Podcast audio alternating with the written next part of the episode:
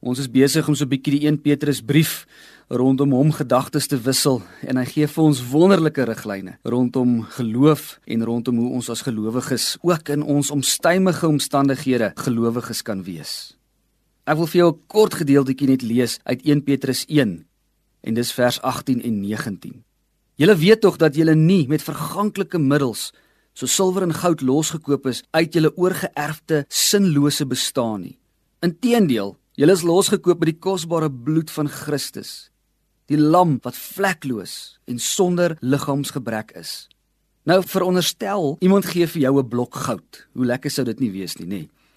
Dis tog iets wat jy baie mooi sal bewaar. Jy sal dit nie in jou huis net sommer laat rond lê nie. Nee, jy sal dit waarskynlik iewers in 'n kluis gaan wegsteek en diep wegbêre en bewaar.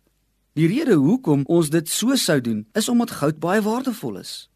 Vir baie van ons sou so 'n blok goud ons finansiële probleme sommer heeltemal oplos.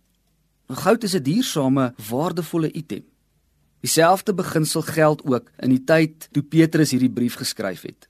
Goud en silwer was onder andere baie werd gewees.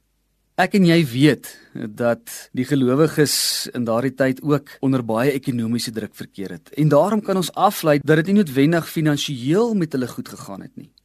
Vir hulle sou 'n blok goud baie waardevol gewees het.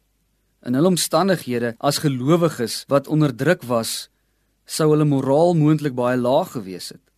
En dan bemoedig Petrus hulle deur hulle met kosbare goud en silwer te vergelyk. En dan sê hy vir hulle: "Julle is meer werd selfs as goud en silwer." Hierdie sou baie vir die lesers van hierdie brief beteken het.